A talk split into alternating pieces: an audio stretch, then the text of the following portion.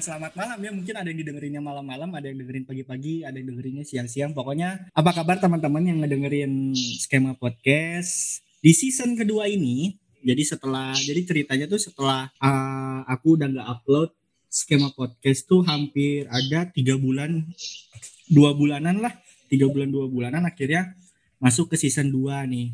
Kali ini bersama aku masih dengan Rahli Zulfikar dan di sini nggak sendiri ada teman aku yaitu adalah Dede Novitasari. Halo Deh, apa kabar? Halo, alhamdulillah baik. Apa kabar? Alhamdulillah baik. Jadi teman-teman, buat kalian yang lagi dengerin, Dede ini adalah mahasiswa Fakultas Hukum sama seperti aku. Jurusan Fakultas Hukum di Universitas Pasundan Bandung. Sekarang lagi menempuh tugas akhir ya Dea? Iya nih.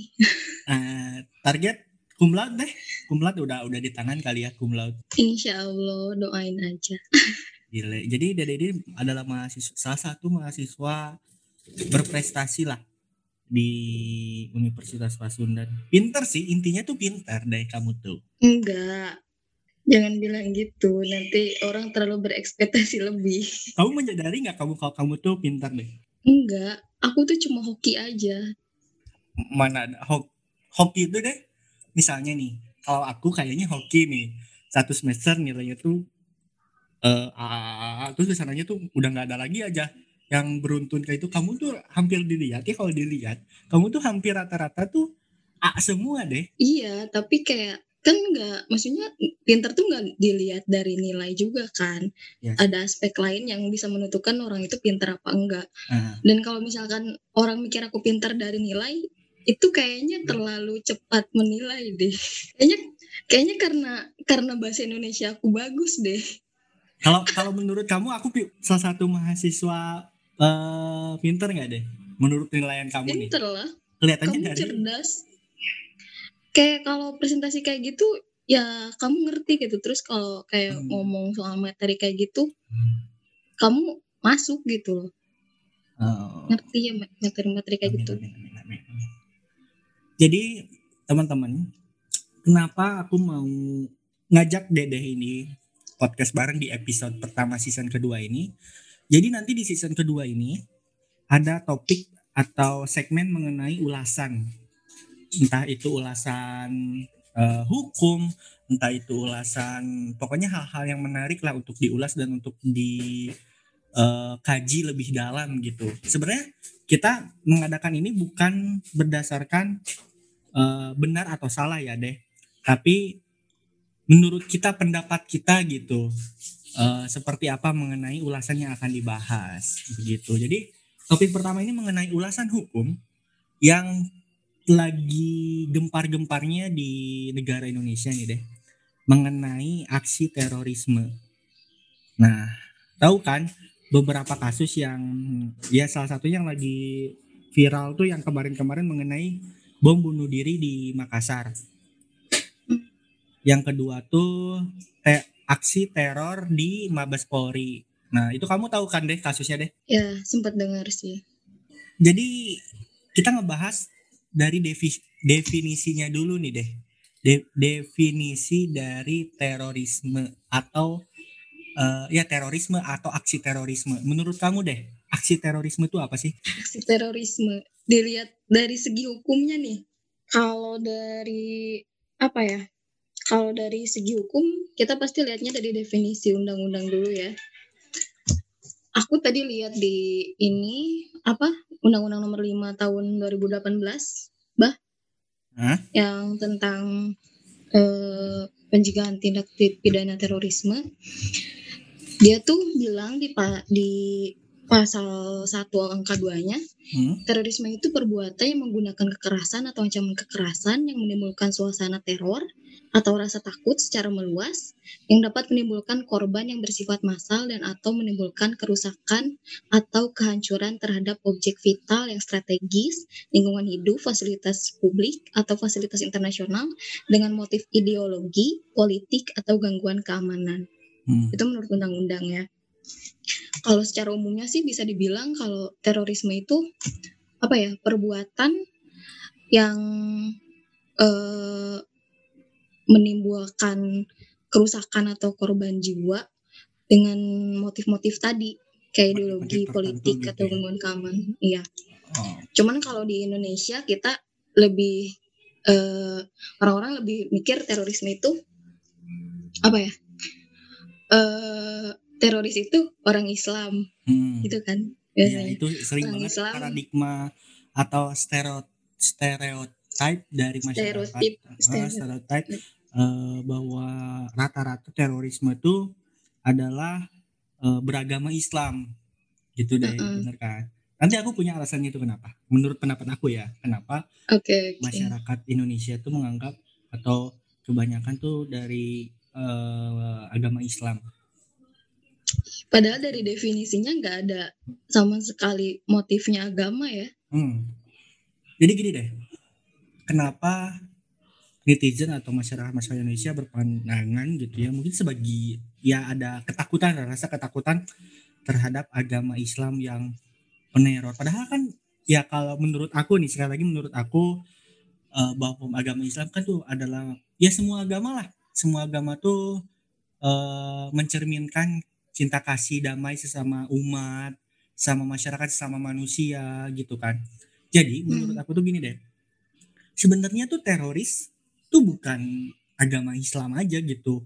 Bukan maksudnya bukan eh si teror eh, terorisme itu bukan yang jatuh tuh apa ya gimana ngomonginnya. Jadi bukan membawa nama agama Islam aja gitu. Tapi karena berhubung kita mayoritas di negara kita adalah Islam, jadi mungkin ada paham-paham atau ideologi yang eh, apa yang salah atau mungkin menurut mereka benar itu ya agama Islam gitu. Tapi di luar negeri deh, kalau di luar negara yang mayoritas bukan Islam ya, ada kok teroris yang bukan agama Islam gitu. Berhubung kita Hmm. mayoritas aja gitu, sebetulnya. Iya. gitu. Dan Nah, kayak beberapa kejadian kayak gitu kan kebanyakan eh, apa sih melibatkan orang maksudnya dia menggunakan atribut yang cenderung kelihatan kayak Islam Iya, ya sih? nah itu karena karena pemahaman kita mayoritasnya agama Muslim, tapi di luar negeri pun misalnya contoh aksi teror aksi teror di Amerika misalnya. eh bukan ada kok eh, yang misalnya masyarakat sipil yang nembakin bawa bom meledakkan sesuatu di wilayah tertentu di bagian Amerika kasusnya gitu ya ada ya Hmm. karena itu negara sekali lagi mayoritas kayak aksi kemarin di New Zealand New Zealand tuh mayoritas Islam Islam gak sih Enggak deh kayaknya. Enggak ya. Oh mungkin motifnya aja motifnya. Nah, jadi gini deh. Tadi kan dari eh, definisi secara undang-undangnya nih. Nah, jadi kan Hmm. sebenarnya aksi teroris eh, aksi teroris atau istilah teroris ini kan berasal dari bahasa Latin nih yaitu tere. Terere. Nah, yaitu membuat gemetar atau menggentarkan atau membuat rasa takut Hmm. Nah, jadi secara etimologi terorisme itu menakut-nakuti. Nah, dalam eh, bahasa Indonesia berasal dari kata teror. Da- eh, kata dasarnya menurut KBBI memiliki arti usaha untuk menciptakan ketakutan, kengerian, kekejaman, eh, kriminal kriminalitas. Nah, itu sih dari aksi, eh, apa definisi dari terorisme sendiri. Nah, hmm, tapi definisi yang aku ambil lagi satu lagi dari FBI ini deh atau Hmm. Federal Bureau of Investigation bahwa terorisme adalah pemakaian kekuatan atau kekerasan tidak sah melawan orang atau properti yang dimiliki oleh pemerintah atau fasilitas umum eh, untuk mengintimidasi atau menekan suatu pemerintahan masyarakat sipil atau bagian-bagian untuk memaksakan tujuan sosial, politik atau kepentingan dari golongan tersebut gitu.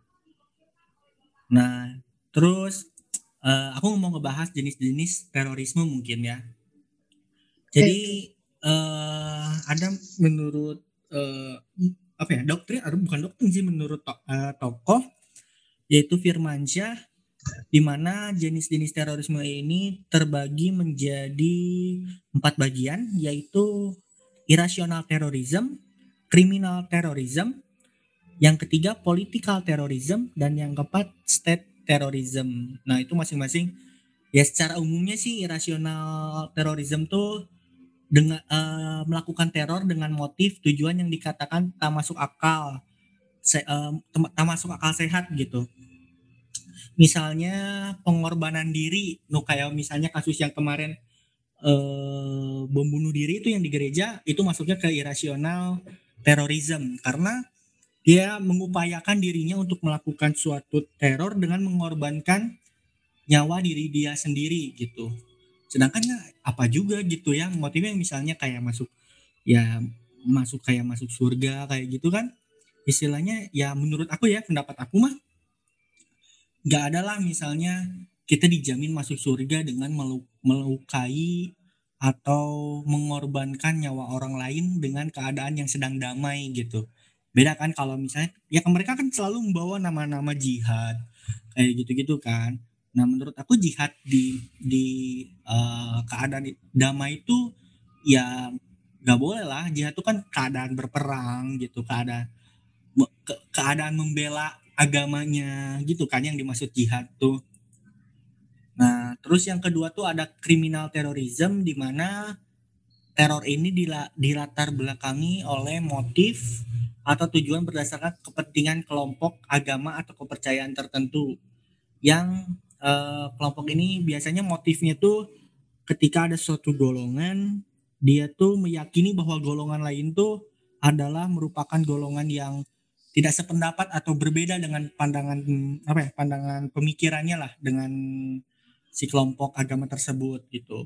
Dan yang ketiga political terrorism di mana motif politik nih biasanya yang uh, melakukan uh, aksi terori, terorisme, terorisme ini Buset, susah banget dah dan yang keempat adalah state terrorism di mana uh, dipergunakan biasanya oleh PBB ketika melihat kondisi sosial dan politik contohnya di Afrika Selatan, Israel dan negara-negara Eropa Timur kekerasan negara terhadap warga negara penuh dengan intimidasi dan berbagai penganiayaan serta ancaman lainnya banyak dilakukan oleh oknum negara termasuk penegak hukum. Nah, kayak gitu. Jadi sekali lagi ada empat jenis aksi teroris eh jenis terorisme itu menurut Firmansyah ada irasional terorisme, dua kriminal terorisme, yang ketiga political terorisme dan keempat terorisme.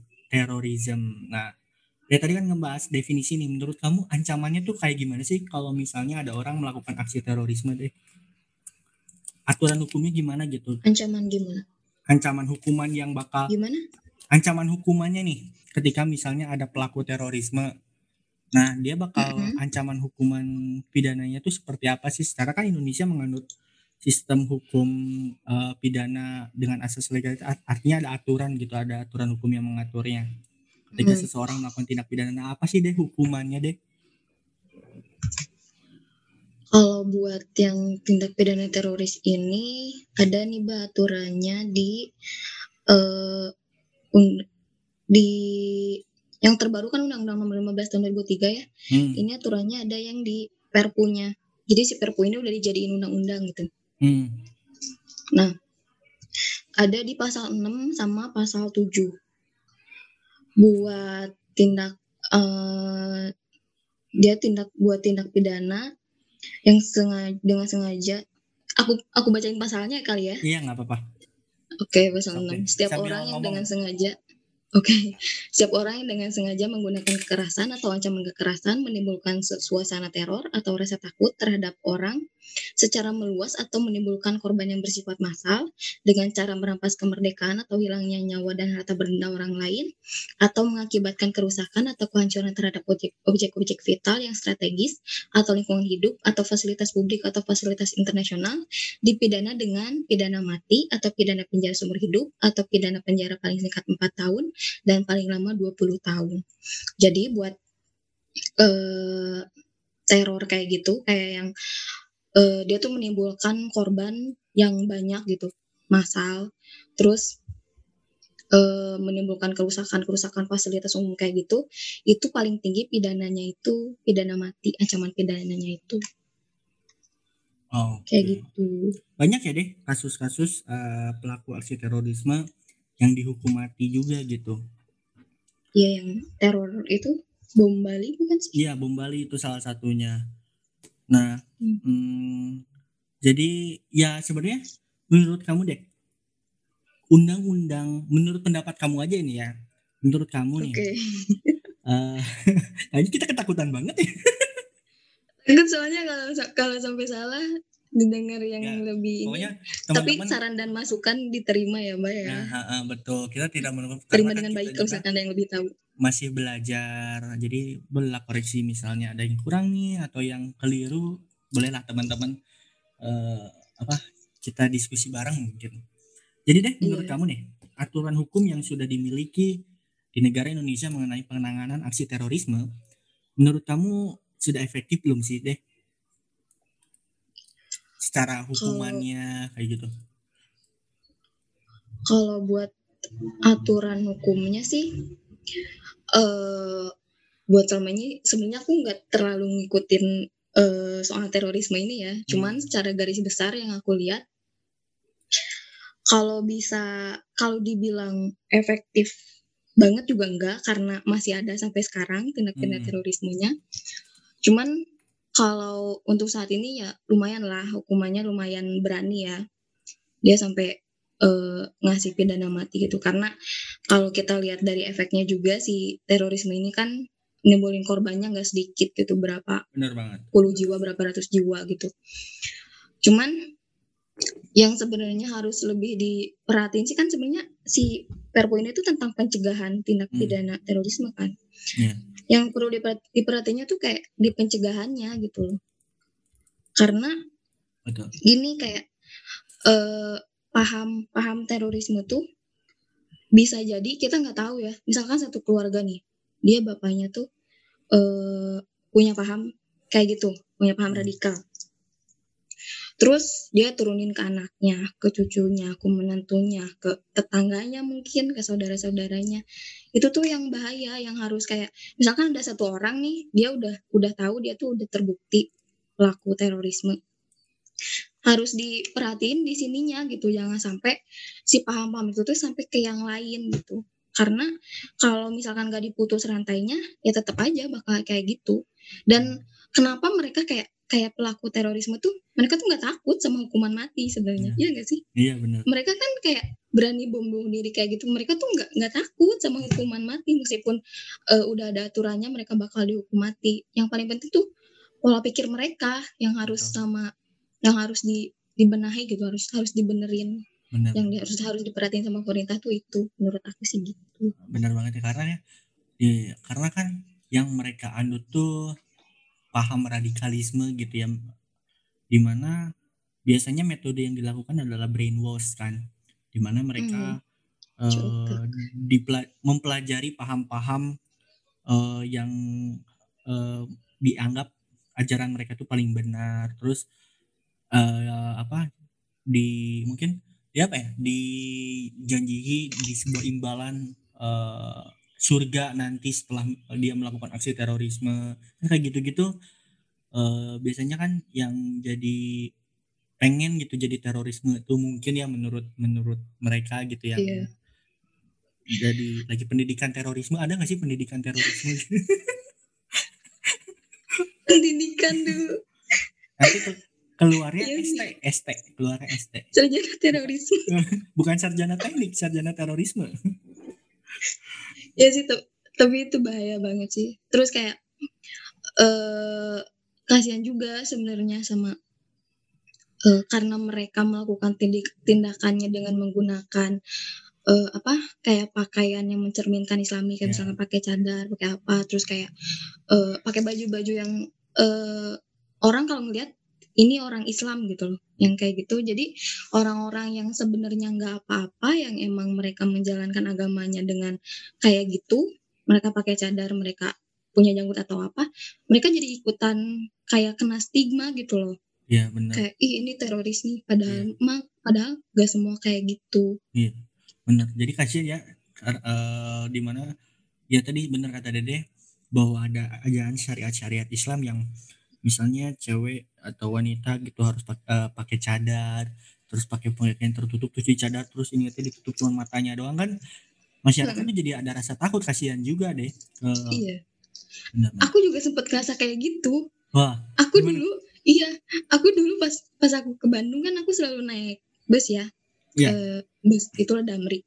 Nah, ada orang pakai cadar, terus dia bawa kotak, Hmm. kotak apa gitu. Terus setelah ada berita aksi teror, aku takut kan, aku ngerasa nggak aman di bus. Padahal sebenarnya nggak apa-apa, tapi karena karena kayak gitu, karena banyak pemberitaan di luar terus kayak teroris tuh orangnya pakai cadar, teroris tuh Hmm. kayak gini. Kan jadi kita juga takut. Iya. Padahal mereka juga nggak apa-apa gitu. Iya benar banget ya. Belum tentu juga yang pakai cadar atau ber, apa sih berjanggut eh, itu tuh teroris gitu ya, bukan gitu konsepnya. Jadi undang-undangnya tadi undang-undang eh, pokoknya tadi eh, yang terdahulunya undang-undang nomor 1 tahun 2002 diperbaharui eh, oleh undang-undang nomor 5 tahun 2018 yang undang-undang nomor 1 itu tahun 2002 itu kan tentang pemberantas tindak pidana terorisme menjadi undang-undang diperbarui nomor 5 tahun 2018 dan ada perpunya yang tadi Dede jelasin. Oh, itu Nah. perpunya jadi undang-undang. Oh iya, oh iya perpunya jadi undang-undang. Nah, tadi ancaman hukumannya, ancaman hukum terberatnya adalah eh, hukuman mati. Hukuman seumur hidup ada nggak sih deh? Ada Oh ada ya, pidana penjaranya. tidak ada penjaranya. oh. Nah, tadi kan eh, sebenarnya undang-undang ini tuh dibuat selain dari fungsinya yaitu untuk eh, sebagai payung hukum untuk memutus apa ya mempidanakan seseorang yang melakukan aksi terorisme itu juga melakukan untuk pencegahan aksi terorisme ya deh di Indonesia Iya. tujuannya. Yang namanya hal kayak gini kayak terorisme tuh nggak mungkin mereka berjalan sendiri. Hmm. Pasti ada organisasi yang terstruktur apalagi sampai aku dengar sampai kayak jaringan internasional gitu kan ada yang sampai kayak gitu juga. Itu tuh harus benar-benar benar-benar diawasin sama kayaknya yang lebih eh ber ini sama itu kominfo bukan sih yang Ya, ngurus komunikasi komunikasi kayak gitu? Komunikasi melalui ja- jaringan telekomunikasi biasanya Kominfo. iya kayak mereka tuh harusnya kerjasama kayak kominfo Mabes Polri dan sebagainya lah orang-orang yang ber, berkaitan dengan hal ini tuh kerjasama buat eh, mencegah itu gitu buat memperkecil eh, ruang gerak mereka gitu. Biar jangan sampai ada generasi-generasi selanjutnya terus kalau misalnya udah ada yang ketangkap satu nih harusnya kayak eh, si orang-orang terdekat mereka juga dilihat gitu loh Hmm. mereka kena apa ke ke doktrin ajaran ini enggak gitu kalau kalau bisa sih di ada sih kalau nggak salah ada karantinanya nggak sih buat mereka yang kayak gitu tuh Sebetulnya bukan karantina mungkin. Sekarang tuh kan ada ada kegiatan yang dilakukan oleh pemerintah diradikalisasi.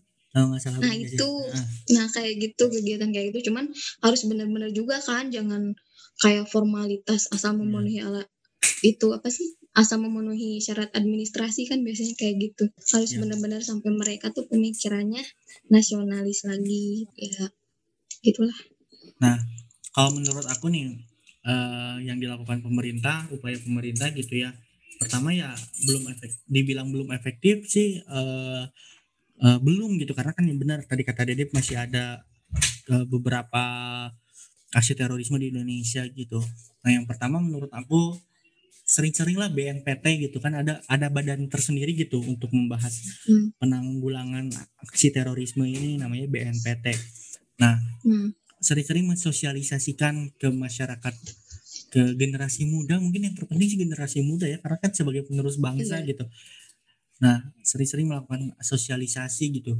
Bukan hanya sekali dua kali dalam agenda satu tahunan gitu tapi mungkin bi- bisa dilakukan eh, tiap bulan ke sekolah-sekolah di wilayahnya di regionalnya masing-masing gitu. Nah itu yang terpenting. Terus eh, melakukan eh, upaya apa ya mengungkap jaringan tuh eh, penting juga gitu. Eh, melalui kan biasanya informasi-informasi yang di, eh, didapat oleh BNPT kan dari intelijen nih. Hmm. Nah, ya menurut aku ya lebih dikembangkan lagi nih jaringan-jaringannya gitu. Terus mencegah mencegah eh, apa ya mencegah tahap pertama dia mau jadi terorisme. Misalnya misalnya kayak kan eh, sebelum sempat rame mengenai eh, kunjungan gitu. Kunjungan ke negara-negara ISIS kayak gitu-gitu. Bukan ISIS enggak ISIS bukan negara ya uh, apa ke ke ke wilayah zona perang kayak gitu-gitu kan perlu diawasi motifnya apa dia ke negara tersebut gitu. terus ke Filipina ke ke Filipina ya kalau nggak salah yang ada ISIS juga kayak gitu-gitu sih terus upaya de, dari dari deradikalisasi lebih diperketat hmm. terus kan isinya dari dari deradikalisasi itu kan isi isinya tuh orang-orang yang dulunya pernah jadi terorisme dia hmm. belajar nasi, rasa nasionalis terus penting juga tahu untuk mengungkap jaringan yang dia ketahui gitu yang dia bentuk sebelumnya terus terpecahnya jadi apa. Nah kan itu istilahnya uh, efisien juga gitu untuk mengungkap jaringan terorisme. Kayak gitu sih. Intinya selamatkanlah generasi muda gitu. Itu sih kalau yang dilakukan yes. pemerintah. Ya gini bisa juga kan kayak melibatkan mahasiswa nggak sih buat uh, sosialisasi ke an anak SD, SMP, ya. SMA gitu. Benar-benar. Buat tahu kayak kita tuh harus punya rasa nasionalisme loh. Kita tuh hmm. uh, mungkin adalah pasti yang apa BNPT itu pasti tahu lah hmm. kayak ciri-ciri uh, orang yang ter yang cenderung bisa melakukan aksi terorisme gitu kita harus menghindari ini loh mungkin bisa kayak gitu kali ya oh mungkin gini deh benar kata dede menurut pen, pendapat apa nih ya gimana kalau misalnya misalnya BNPT berat nih untuk melakukan sosialisasi ke masyarakat ke kalangan pelajar gitu kenapa sih enggak BNPT itu membentuk satu tim hmm. yang isinya tuh tadi bisa dibilang mahasiswa atau generasi muda lah perwakilan dari hmm. setiap provinsinya untuk melakukan dibina, untuk melakukan pendidikan gitu mengenai aksi terorisme, terus terus uh, mensosialisasikan kembali gitu, membentuk tim yang entah iya. itu melewat media sosial, sosialisasi ke sekolah-sekolah, kayak gitu kan keren juga ya dia melibatkan peran generasi hmm. mudanya gitu. Kayak gitu, jadi uh, generasi muda berperan hmm, untuk mencegah terorisme Bukan yang mengincar generasi muda sendiri. Iya, karena kan banyak juga sekarang yang pelaku aksi terorisme kan anak-anak muda gitu. Misalnya kan iya, kayak contoh yang tadi. Uh, sekarang kan kalau misalnya kalau kita dibilangin generasi muda kalau dibilangin orang tua tuh kan ngantuk gitu ya. Ya canda ngantuk gitu, ya bukan ngantuk sih, karena konsentrasi aja gitu. Iya, iya tapi kan kalau penyampaiannya lewat sesama generasi muda gitu ya kan lebih biasanya lebih efektif tahu lebih lebih enak untuk diceritakan hmm. kita lah gitu ya nah terus yang terakhir deh saran buat kamu untuk generasi muda yang tadi kita bahas panjang lebar itu tuh harus apa sih dalam menanggulangi aksi terorisme ini deh? Buat generasi muda kalau menurut aku kita juga sih generasi muda kita ya. kan iya ya sih masih muda ya. Uh, kita kan sebagai apa ya penerus bangsa. Hmm. uh, bukan cuma omongan doang loh penerus bangsa tuh. Hmm. emang masa depan bangsa tuh ada di tangan kita gitu. Kita yang pertama kita tuh harus bisa uh, memilah informasi jangan jangan kayak yang tadi kita bilang kan jangan sampai kita dapat informasi A terus langsung kita masukin. Hmm. kita harus bisa nyari tahu dulu nih informasi A ini bener apa enggak sih? Dengan cara kita bisa searching mungkin ya atau misalnya kita bisa tanya ke teman-teman kita yang lain. Terus uh, bisa tanya ke orang tua atau misalkan orang yang dituakan kayak gitulah. Jadi harus pintar memilih informasi. Terus yang kedua kalau misalkan uh, lihat juga nih teman pergaulan kita. Kalau misalnya kita pengen belajar sesuatu kita masuk ke komuni suatu komunitas uh, kita tuh punya punya otak buat berpikir gitu. Yang logik kayak misalkan uh, kita masuk ke komunitas ini. Hmm. kita pengen belajar misalkan belajar agama nih. Kita harus lihat ini tuh pelajarannya bener gak sih? Kayak ini sesuai gak sih sama hati nurani kita? Hmm. terus ini bakal ngasih bakal merugikan orang lain gak kayak bener. gitu terus kayak sebenarnya kalau misalkan kita belajar sih pengen belajar agama khususnya agama ya kisahnya setiap agama punya punya pegangan sendiri kan, hmm. punya kitabnya sendiri kayak gitu. Ya kalau misalnya itu udah melenceng dari kitabnya kita dari nilai-nilai dasar di dalam itu sendiri, jangan diterusin gitu. Hmm. Terus selanjutnya apa ya? Kalau misalkan kita punya uh, temen atau misalkan orang yang uh, dia punya ciri-ciri kecenderungan bisa melakukan aksi-aksi kayak gitu Hmm. atau punya pemikiran yang radikal mungkin kalau kita bisa kita harus bantu dia buat balik ke jalan yang benar kalau kita nggak bisa mungkin kita bisa berkomunikasi sama pihak yang eh, bersangkutan gitu Iya. yang mempunyai Punya-. Uh, uh, punya kewenangan dan punya keahlian di bidang itu jangan sampai kayak kita mau ngelurusin orang malah kita yang terjerumus gitu kita bawa-bawa dari kayak gitulah paling kayak gitu sih menurut aku Oke, benar banget tadi. Pertama mencari informasi yang eh, bukan hanya dari satu referensi itu penting. Perbanyaklah ya referensi. Misal kita lagi mempelajari ilmu atau eh, pelajaran gitu. Ya, Mm-mm. cobalah cari-cari bukan hanya dari satu referensi, tapi yang kedua juga tokoh yang kita sedang pelajari itu siapa harus kenal juga kan. Nah, untuk generasi milenial sekarang adalah beriman, bertakwanya tuh harus bener-bener lah terhadap agama yang kita anut gitu jangan sampai ada hal-hal yang menyimpang Eh, apa ya sosialisasi tadi penting sosialisasi eh, antar teman-teman gitu jangan sampai ada eh, apa kecenderungan melakukan eh, apa ya tadi aksi-aksi yang menimbulkan nanti ke depannya bakal ada aksi terorisme gitu ya. Lamun anu pemi, lamun bahasa Sunda mah lamun anu pemikiran aneh mah teh heula lah gitu lah. Nah nanti baru dibejaan gitu. Terus Iya. saring informasi nih paling teman kan digital ini sangat kuat banget gitu apa pengaruhnya gitu. Filter filter lah informasi-informasi yang belum akurat jangan sampai eh, disebar luas. Ketika misalnya informasi itu belum eh, apa belum akurat jangan sampai main-main sebar luaskan aja jangan mudah-mudah percaya juga. Kayak gitu sih. Terus eh pelajari ya pelajari aksi ak- eh, pelajari tentang apa ya bukan hukum tentang terorisme mungkin belajar dari pengalaman lah intinya itu bahwa kejadian aksi terorisme ini kan tidak baik merupakan Iya. suatu kejahatan kemanusiaan bahkan jangan sampai eh, ya jangan sampai terulang lagi lah gitu. Sekarang mah generasi muda bukan generasi muda adalah penerus bangsa bukan jadi beban bangsa gitu. Anjay. Kuat Rahli 2021. Bener gak? Apalagi jadi Iya beban sih. tua gitu kasihan tau. Gitu sih. Ya kayak gini jangan jangan nanya apa sih ada gini yang kata-kata jangan nanya apa yang bisa negara kasih ke kamu tapi Nah. tanya apa yang bisa kasih kamu kasih ke negara gitu. nah itu penting. Ya seenggaknya kalau nggak bisa ngasih sesuatu ke negara ya hidup Jangan- aja yang lurus gitu. jangan macam-macam lah sumpah dah gitu. Iya sih. Terus gini loh bah aku eh, pengen eh, sedikit nambahin ya. Kayak sebenarnya kita tuh butuh komunikasi tuh penting gitu loh. Hmm. biasanya yang kayak orang kayak gitu tertutup kan iya bener banget Jadi kayak komunikasi sama orang tua atau teman, sahabat kita, orang-orang terdekat lah, itu tuh penting gitu. Jadi kalau misalkan ada sesuatu, kita tuh bisa cerita ke mereka. Terus kalau misalkan suatu tindakan apa pun itu, sebenarnya kuncinya tuh ya ada diri kita sendiri loh. Kalau misalkan kita ngelakuin suatu tindakan, kita tanya aja sama hati kecil kita sendiri gitu. Kalau misalkan itu salah, pasti hati kecil kita bilang salah. Iya. Cuman kadang kita suka Eh, sendiri ya. menghiraukan itu Hmm. iya. Padahal sebenarnya jawaban tuh ada diri kita sendiri. Udahlah jangan macam-macam lah. Capek gitu. Udah masa udah masa covid ini teh ya.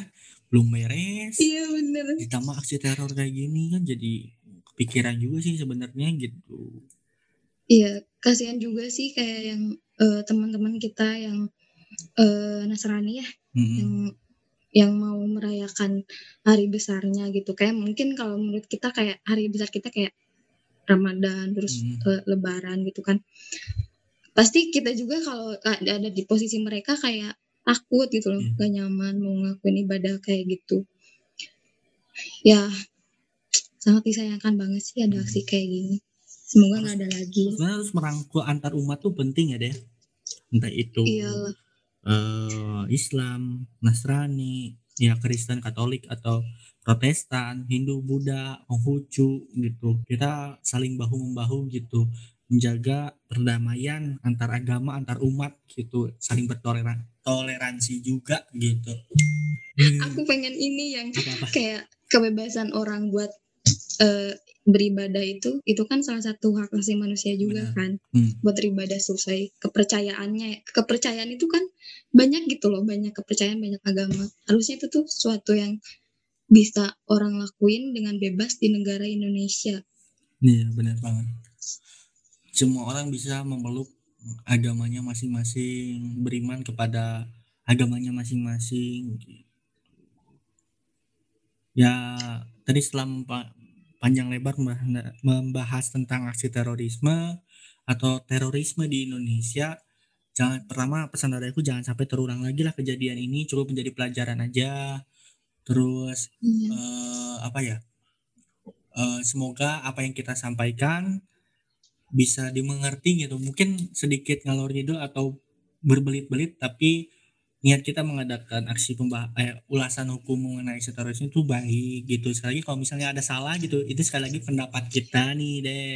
ya maaf ya kalau misalkan banyak yang salah-salah Pendapat aku sama pendapat Dede belum tentu dibilang benar juga enggak. Dibilang salah ya mohon dikoreksi gitu. Salahnya di mana? Kita membuka pintu untuk belajar bersama-sama, berdiskusi bareng-bareng kok. Jadi thank you banget buat kalian yang udah dengerin skema podcast season 2 episode ke-1 ini mengenai ulasan hukum aksi terorisme di Indonesia. Thank you banget deh udah main-main ke skema podcast. ya thank you udah diundang Jangan kapok-kapok ya mungkin nanti ulasan hukum nggak bakal ada satu episode aja deh. Tapi nanti ada beberapa Hmm. episode juga gitu. Jadi mau kali ya kalau misalnya ditodong buat main-main lagi ke skema podcast. Insya Allah Thank you banget. semoga lancar ya Thank you banget deh. podcastnya oke Selamat eh, menjalani tugas akhir deh. Aku tahu itu pusing, aku juga sama. Jadi ada Instagram mungkin yang Instagram Heeh. DDNS nah jangan lupa teman-teman yang lagi dengerin eh follow Instagramnya Dede di @dede NS ns. Oke, langsung aja follow biar kita ber- bisa bi- berdiskusi bareng. Sekali lagi thank you banget nanti deh. aku fallback Nah, oke siapa tahu dapat jodoh. Eh, canda jodoh. Thank you banget Dan. Terima kasih buat teman-teman Oke. yang udah dengerin skema podcast. Semoga kalian dalam keadaan sehat selalu. Thank you deh. Bye bye. oke bye